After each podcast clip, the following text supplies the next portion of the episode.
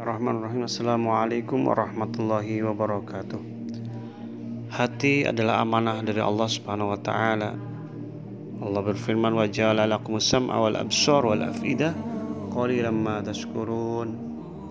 Dan kami jadikan pendengaran, penglihatan dan hati namun sedikit sekali yang bersyukur.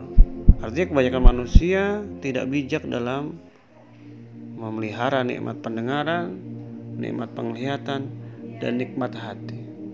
Hati Allah berikan kepada kita untuk dijaga kemurniannya.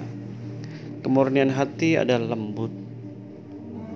Bagaimana kita menjaga kelembutan hati kita?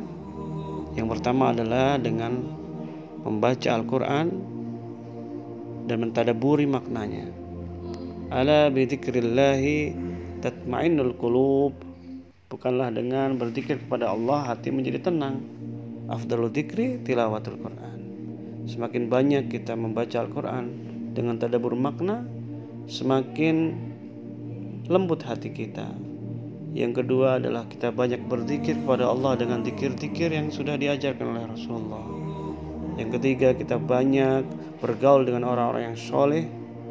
Yang keempat kita banyak menyayangi anak-anak kecil karena anak kecil adalah memiliki kemurnian hati karena belum memiliki dosa.